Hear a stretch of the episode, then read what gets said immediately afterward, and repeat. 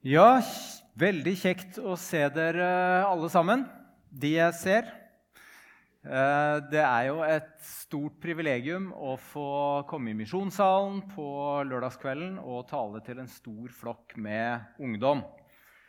Ehm, ja, jeg eh, Frank Ole Thoresen kommer fra Spydeberg i Østfold. Har har erfart til fire har vært misjonær i en del år i uh, Øst-Afrika, Etiopia. Jobba uh, mye med muslimer misjon blant muslimer. Og så er jeg på Fjellhaug har vært en del år nå på Fjellhaug. Er rektor på høyskolen uh, der oppe. Og så fikk jeg altså Ja, jeg er misjonsviter. da. Jeg underviser i religions- og misjonsfag på Fjellhaug.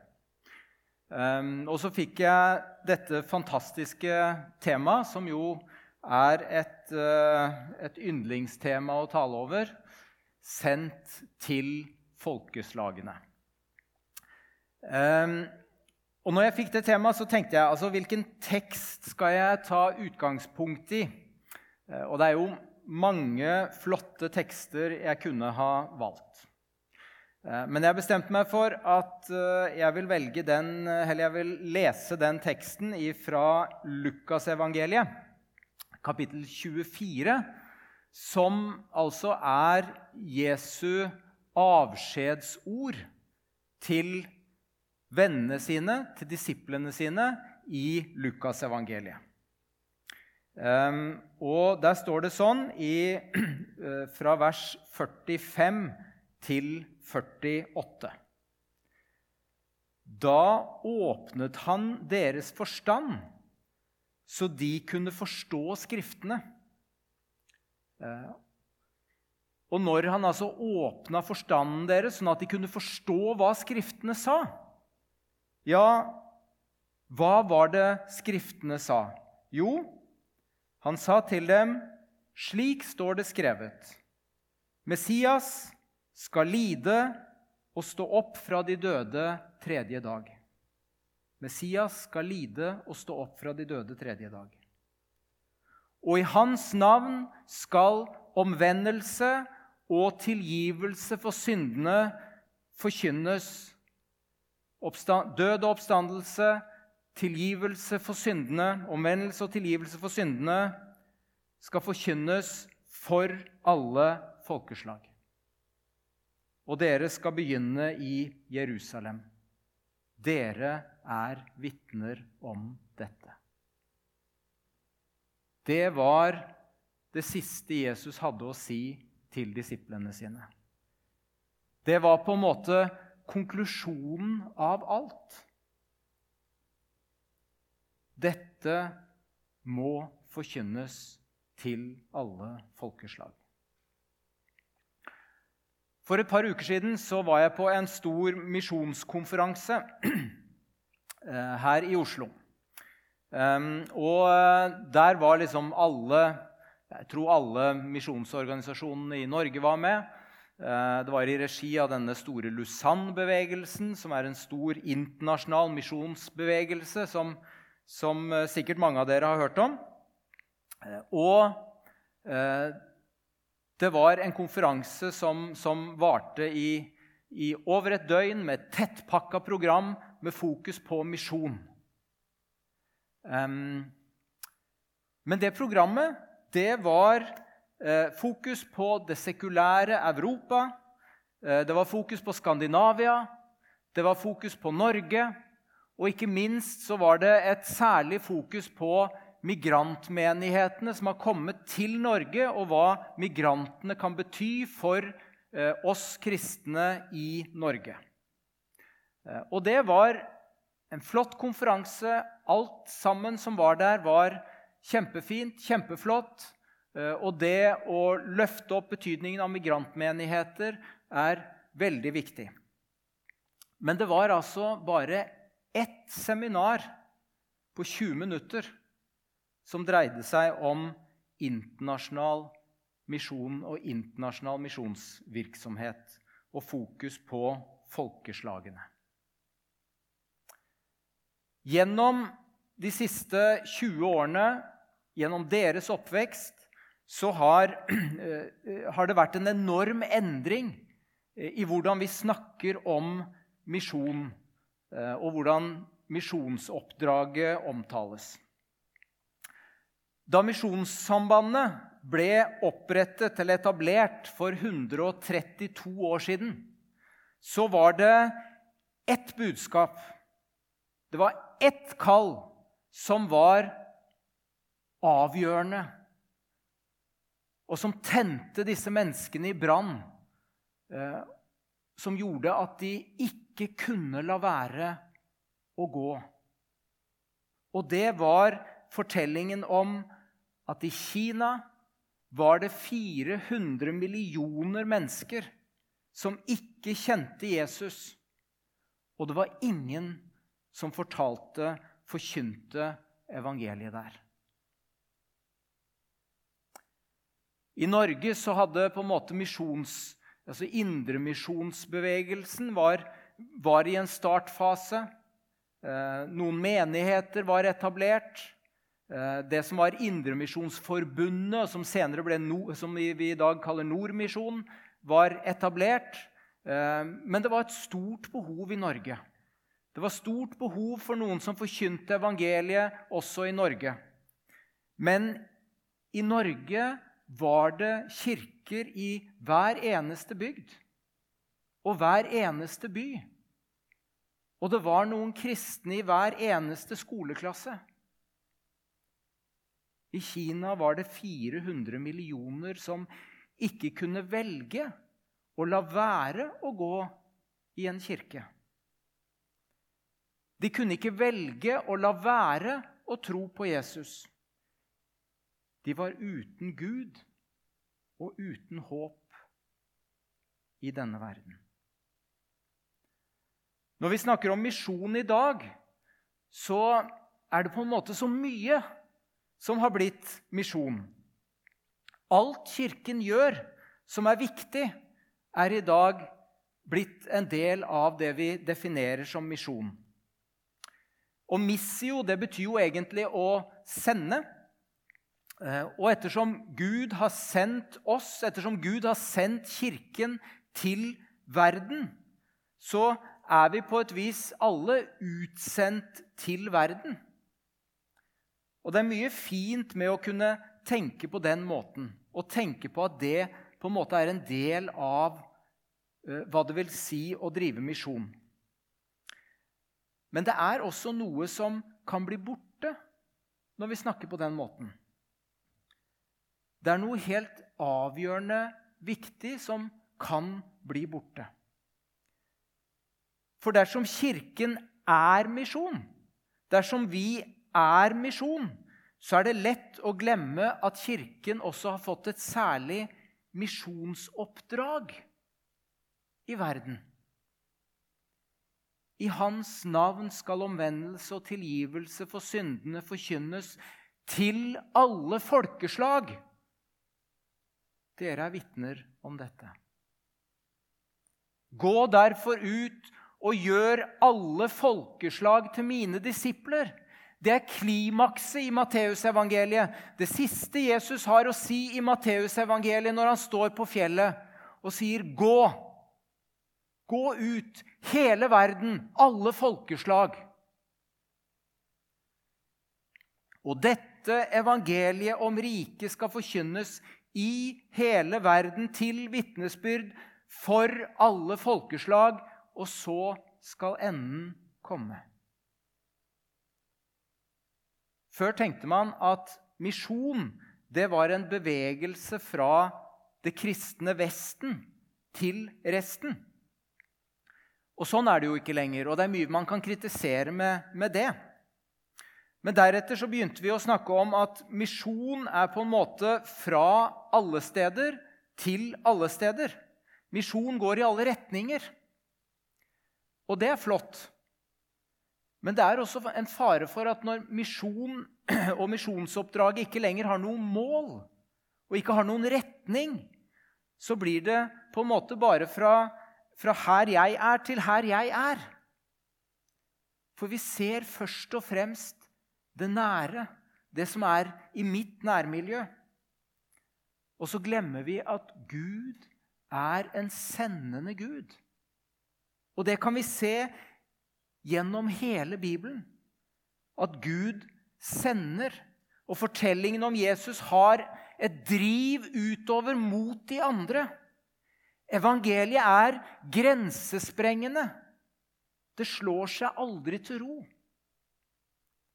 Og evangeliet har altså et geografisk mål. Alle folkeslag. Hele verden. Det er målet for misjonen. Det er målet for evangeliet, som er tydelig uttrykt i Bibelen vår. Alle folkeslag. De unådde har på en måte prioritet hos Gud. Over to milliarder mennesker i verden har ingen kirker de kan gå til hvor evangeliet forkynnes på deres språk. De har ingen pastorer eller evangelister som kan fortelle dem om Jesus. Det finnes nesten ingen misjonærer der. To milliarder mennesker. Aldri har det vært utsendt flere misjonærer i verden enn det det er i dag. Antallet misjonærer som reiser og som sendes ut, vokser hele tiden. De reiser bare ikke dit hvor de minst nådde er. Der er det veldig få som reiser.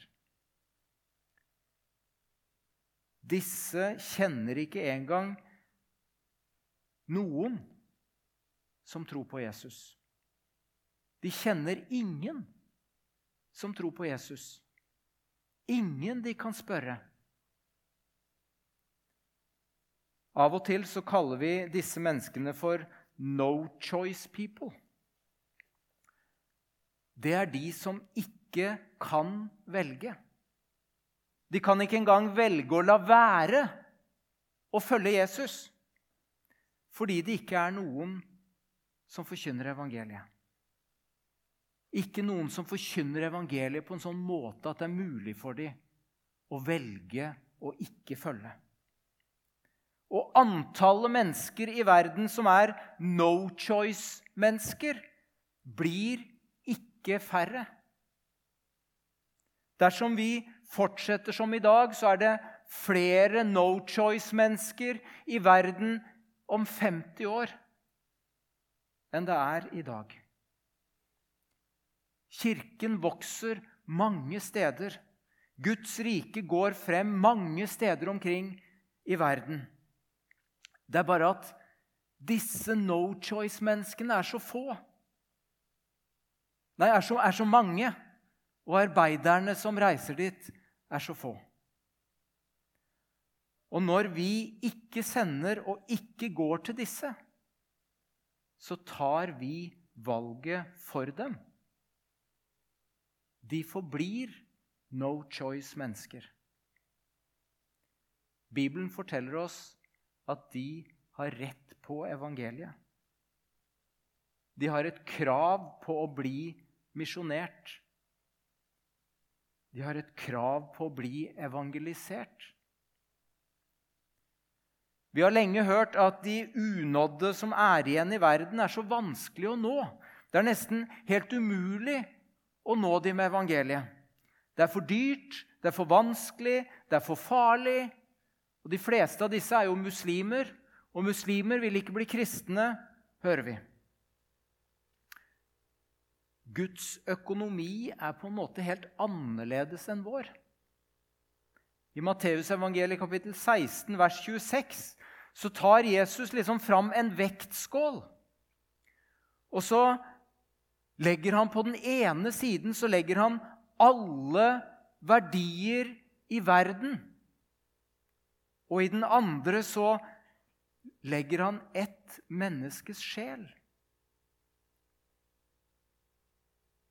Og så sier han på en måte at disse verdiene er ingenting mot det ene menneskets sjel? Hva vil det gagne et menneske om det vinner hele verden, men taper sin sjel? Tror du Gud elsket deg så høyt at han ofret alt for å dele evigheten med deg? Tenk at han elsker Abdi og Mahmoud akkurat like høyt. Tror du at du er spesiell i Guds øyne? Ja, det er du. For du er skapt av Gud. Du er elsket av Gud over alt på jord. Og han har satt sitt stempel på deg. Men Abdi er akkurat like spesiell og like høyt elsket av Gud. Kristi kjærlighet tvinger oss, sier Paulus. Ikke din kjærlighet og ikke min kjærlighet. For Da hadde det vært dårlige greier hvis det var det vi var avhengig av. Hvis det var det menneske, eh, folkegruppene var avhengig av. At du og jeg skulle elske dem. Men det er Kristi kjærlighet som tvinger oss. Det er Jesus som elsker dem, og som krever at vi skal dele evangeliet med dem. Det ene mennesket har uendelig verdi for Gud, og i hans økonomi er ett menneske verdt vår, all vår innsats.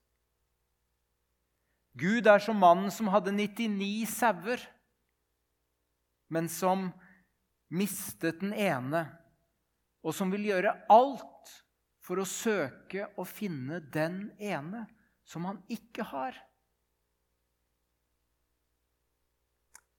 Gud tenker heldigvis ikke bedriftsøkonomisk profittmaksimering. Hvert enkelt menneske har rett på evangeliet. Og Samtidig så er det faktisk ikke riktig at de minst nådde i verden i dag ikke responderer på evangeliet. Det er ikke sant. Noen av de områdene i verden med færrest kristne er i dag området hvor mennesker gir mest positiv respons på et vitnesbyrd. Norge er faktisk et av de landene i verden hvor det forkynnes mest uten at mennesker responderer. Grunnen til at det er liten kirkevekst i disse områdene, det er ikke at muslimer ikke vil ta imot Jesus. Grunnen er at det er så få som forkynner evangeliet til dem. I fjor vår så besøkte jeg Mongolia.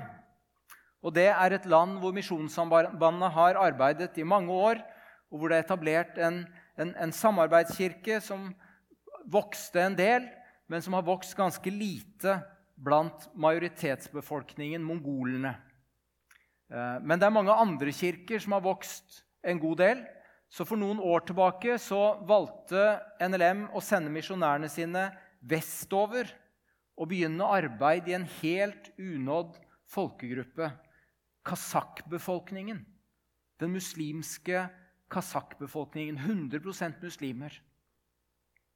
Og man tenkte at dette blir nesten helt umulig. Men i løpet av noen få år så er omkring 100 tidligere muslimer blitt døpt. Og det vokser frem menigheter, husmenigheter, kirker blant kasakkbefolkningen. For omkring ti år siden så uh, skjedde det som har blitt kalt den arabiske våren i store deler av den muslimske verden. Det var store politiske omveltninger og endringer i araberverdenen i løpet av noen få år. Store demonstrasjoner som førte til at uh, diktatorer og regimer falt. Uh, og da ble jeg spurt av Misjonssambandet om å være med og liksom vurdere om disse endringene i araberverden om de medførte noen nye muligheter for å drive misjon.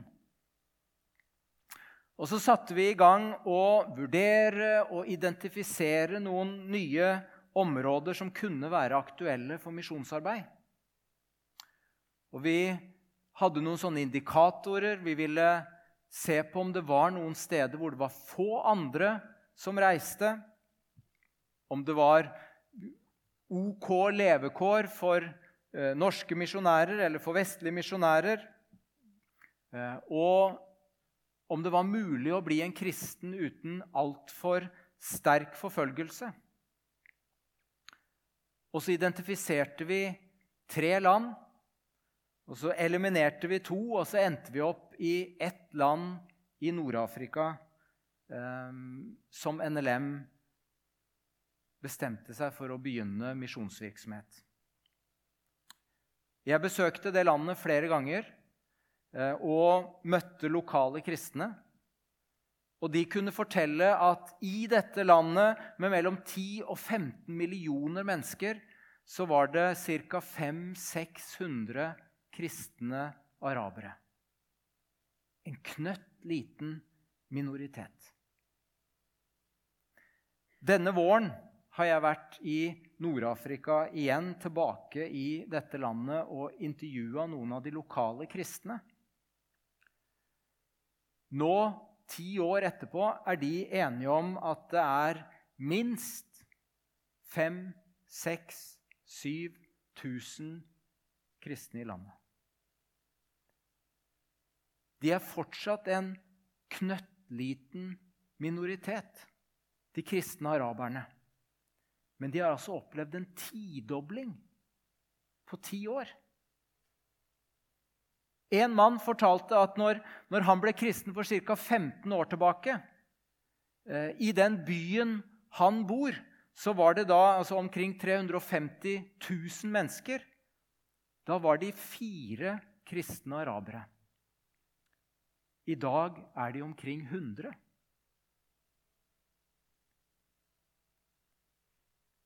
Og så spurte jeg disse menneskene jeg møtte, om hvordan det var å være kristen i dette landet.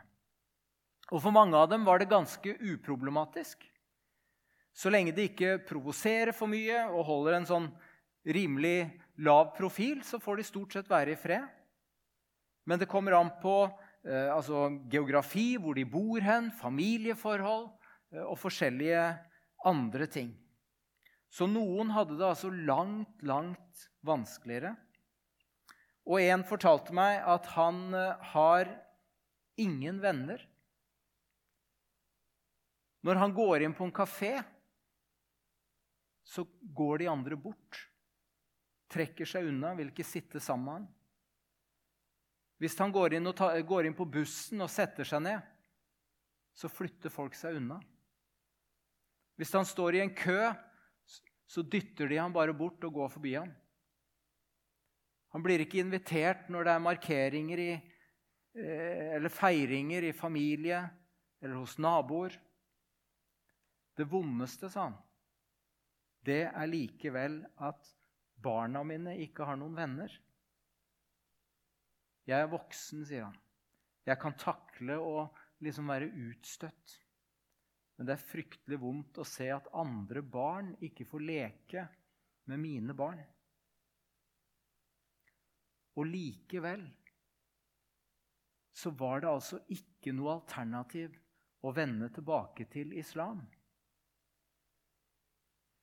Vil også dere gå bort? spurte Jesus disiplene en gang når livet sammen med Jesus ble særlig vanskelig. Herre, hvem skal vi gå til? sa de. Herre, hvem skal vi gå til? Vi tror og vet at du er Guds hellige. Vi har fått se hvem du er, Herre. Vi, har, vi vet at det er sant. Vi vet at du er Guds hellige, at du er fra Gud. Du har tatt alle våre alternativer bort. Det er ikke lenger mulig å velge annerledes. Det finnes ikke lenger noe annet valg, for de har fått kjenne sannheten. De har fått møte Jesus. De har blitt grepet av Han som er sannheten, og som holder dem fast i sin omsorg. Og så er altså paradokset at disse som før var no choice-personer, ikke lenger har noe valg fordi de fikk muligheten til å velge. Og de vitner med hele seg om at det finnes noe det er verdt å lide for.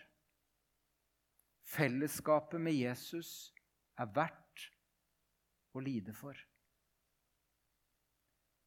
I en gammel sang så synger vi Om jeg eide alt, men ikke Jesus, tror du det var nok å stole på? Kunne dette hjertet tilfredsstilles med de ting som skal så snart få gå?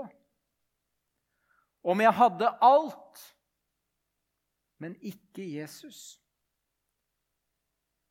hva vinning var det for mitt vel? Hva er hele verden mot å eie fred med Gud og frelse for min sjel? Tenk å få dele evangeliet så ett menneske kan finne fred med Gud. Tenk å få dele evangeliet så ett menneske kan få muligheten til selv å velge. Det finnes ikke noe som er større og viktigere i denne verden enn å få være med og gjøre alle folkeslag til disipler. Det er mye som er urettferdig i vår verden. Men det finnes ingen større urett enn at over to milliarder mennesker fortsatt er no choice people.